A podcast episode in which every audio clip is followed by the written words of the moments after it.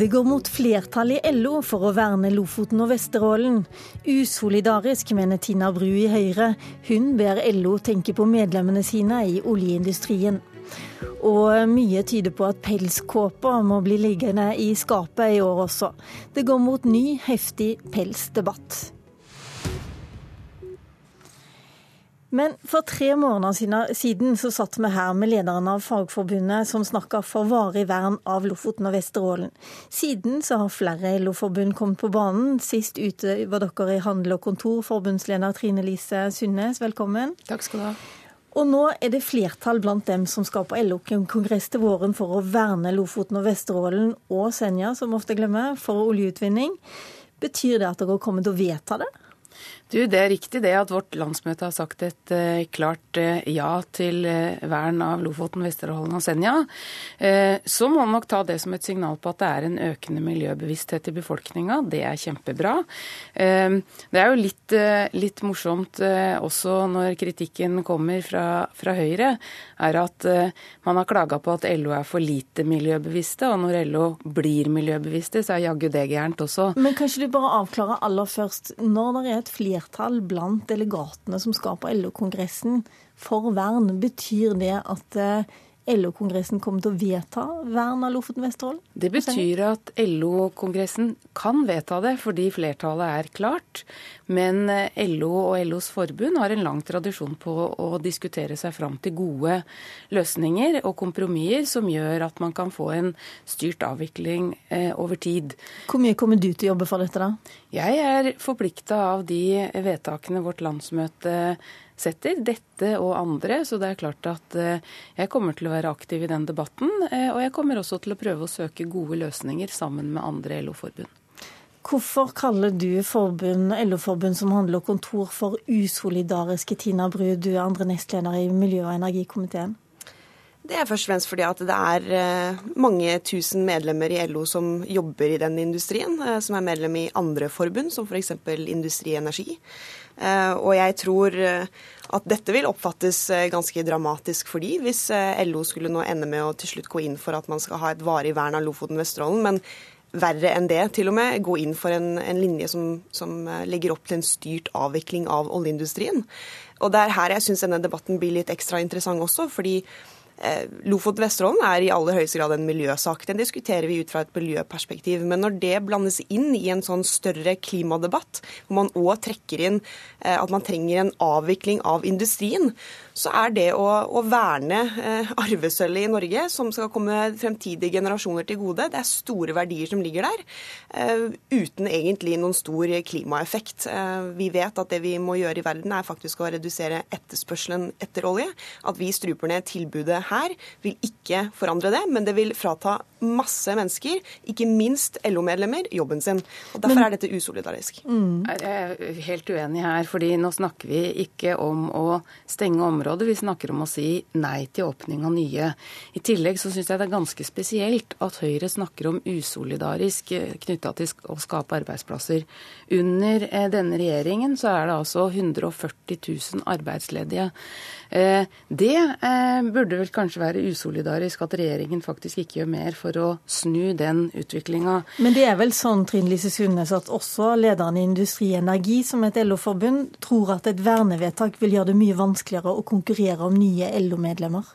Det eh, er ikke så rart at lederen av Industri Energi eh, mener. Men eh, hvis vi ser på arbeidsplassene eh, nordpå, så er det sånn at eh, vi vil eh, det, Man antar at man vil kunne skape mellom 400 og 1100 arbeidsplasser dersom man åpner for boring i Lofoten, Senja og Vesterålen. allerede i dag så representerer marin, marine næringer og, og turistindustrien vel 6500 arbeidsplasser. Eh, og eh, rapporten eh, fra Utvikling i nord viser at dette kan øke. Fraflyttinga i Lofoten er snudd. Unge mennesker blir. Så det er mye positivitet, og man kan ikke på en måte dra en sånn tilnærming om at det ikke er andre typer arbeidsplasser nordpå, eller at nord kommer til å forvitre hvis man ikke åpner for boring. Men har Tina Bru rett i at det er ikke bare Lofoten og Vesterålen dere skal verne? Dere vil egentlig stoppe olje, altså sette på olje oljebremser på andre områder også? Vi mener, eh, og det burde jo også denne regjeringa si noe om, hvordan skal de kutte utslippene fram mot 2030? Hvordan skal de innfri Parisprotokollen? Eh, foreløpig så er det lite fra den eh, kanten i forhold til hvordan de skal ta de norske forpliktelsene og ansvaret. Ja, kanskje du svarer litt på det, Tina Bru. Ja, for hvis du ikke skal ta oljeproduksjon og ikke skal øke, skal gjøre det særlig mye billigere eller dyrere for oss å kjøre bil, jo, men... så blir det kanskje vanskelig vi må ha med oss en ting som er ganske viktig her. og Det er at uh, olje- og gassektoren er en del av EUs kvotesystem. Innenfor det systemet så skal utslippene reduseres med 43% frem mot 2030 i samarbeid med EU. Det betyr at taket er satt på utslipp i den sektoren uansett. Det kommer til å gå ned. Og Men hvordan kommer du til å gjøre dette hjemme? Det handler om at oljeindustrien i Norge da bl.a. må enten da kjøpe kvoter, eh, eller så må de redusere utslippene selv for at vi skal nå det målet i EU. Ja, Og det gjør de jo også i aller høyeste grad. Og så skal vi gjøre masse innenlands som handler om transportsektoren osv. Grad, tenker du på? Nei, De har jo selv egne planer for å kutte utslipp ytterligere eh, ved energieffektiviseringsprogrammer osv., så, videre, så de gjør mye. Men mitt poeng er hun utfordrer meg på hva med de arbeidsløse. Ja, jeg tenker jo nettopp på de arbeidsløse, og det er derfor jeg ikke forstår denne linjen. Hvis man skal gå inn for varig vern, man skal gå for en styrt avvikling av industrien over tid, da, altså Hvorfor har man mye ledighet i Norge nå? Det er jo fordi at det er oljenæringen som sliter, og at prisen har falt, og folk mister arbeidet sitt. Ja, og vi har en regjering som ikke evner nei, å gjøre noe med ikke, det. Nei, det stemmer ikke i det hele tatt. Men hvis man da ikke legger til rette for nye områder, eller ikke legger til rette for at denne næringen skal kunne være der i fremtiden, ja, da snakker du ledighet, da. Hva er det du mener da med tid til omstilling? Hvor mener du at disse menneskene som jobber i den industrien skal gå nå de neste ti åra, bare over natten? Du har jo ikke noe svar på det heller. Disse medlemmene til Leif Sande Industri og Energi de sliter eh, på bakgrunn av den politikken denne regjeringen ikke fører.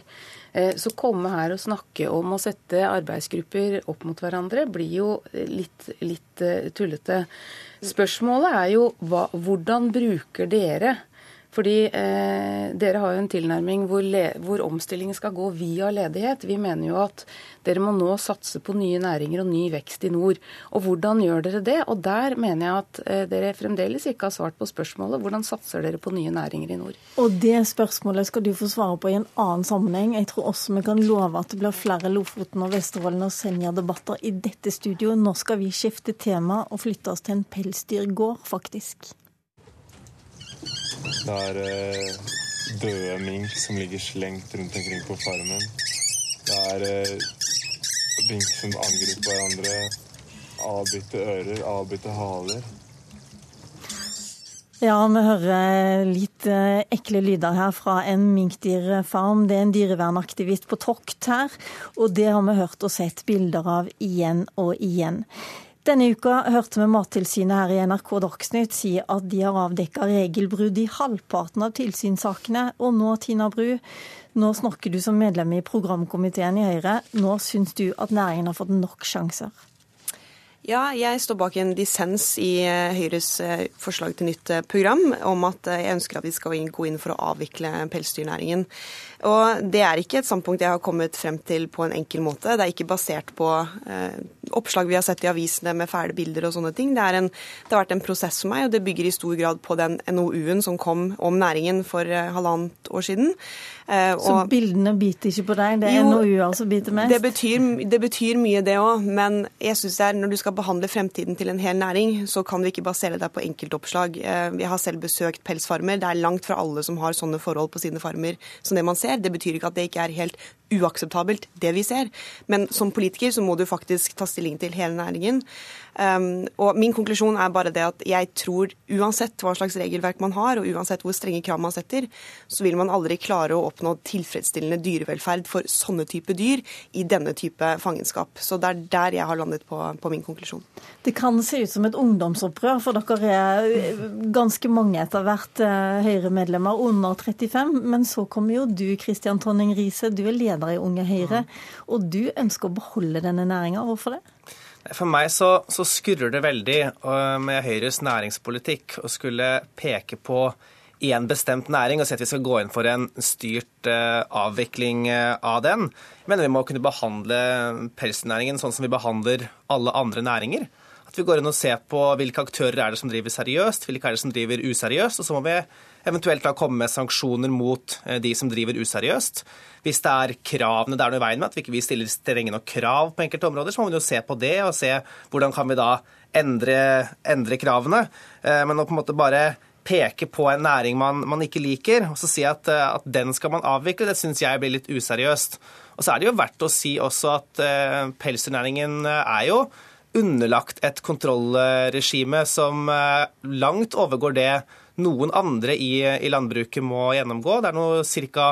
80% av pelsdyrgårdene kontrolleres uh, hvert eneste år, mot ja, ca.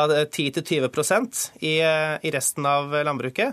Og det er jo ikke sånn at avvikene som er funnet på pelsdyrfarmene er noe er noe høyere. Ofte er de, er de lavere enn hos, enn hos, landbruket for øvrig, til tross for at det er eh, ja, fire til altså åtte så mange ganger som blir, blir, kontrollert. Men la oss komme litt tilbake til det. Tina Bru, Kristian Tonne Riise har jo litt rett i at det er jo ikke noen høyre, lange høyretradisjoner for å legge ned næringer som mm. går med overskudd. Nei, på ingen måte. og Derfor sier jeg at dette er en vanskelig sak òg. Men det er til syvende og sist et etisk spørsmål. Og jeg mener at selv om Det er som Kristian sier, da, ikke sant? dette er en næring som har veldig strengt kontrollregime. Det er mye nye regler som har kommet, man følger ekstra godt med. Men allikevel så oppstår det sånne typer skader som det vi har sett eksempler på. Og alle faginstansene også peker på, eller veldig mange faginstanser peker på, at det er svært krevende å få god nok dyrevelferd her uansett, og at man vil se disse typer skader pga. hele måten driftsformen er på. Så uansett hvor mye du hadde strammet til, eller skulle hatt større bur, eller hva nå enn du skulle gjort, da, så ville det enten blitt da Eh, gått så hardt utover produktet, altså selve pelsen, at det ikke hadde vært bra å gjøre det for produktet sin skyld. Eller det hadde blitt så dyrt at det ville ikke lønne seg. Og jeg mener at man må også som politiker kunne kunne si at noen spørsmål handler om etikk. For meg handler dette om dyreetikk. Og jeg kan ikke med god samvittighet da se på at man skal ha en sånn næring, og det syns jeg er helt innafor å mene som politiker.